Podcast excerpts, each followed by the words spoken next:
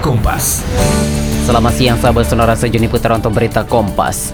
Kasus COVID-19 di Indonesia saat ini menurun drastis.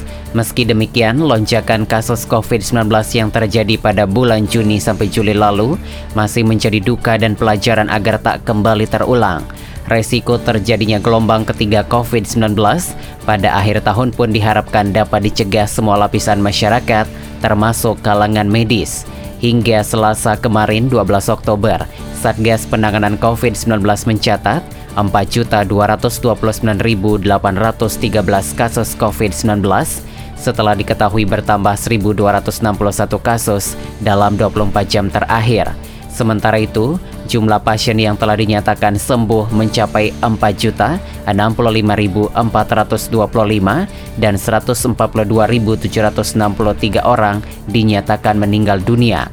Satgas juga melaporkan saat ini ada 21.625 kasus aktif COVID-19.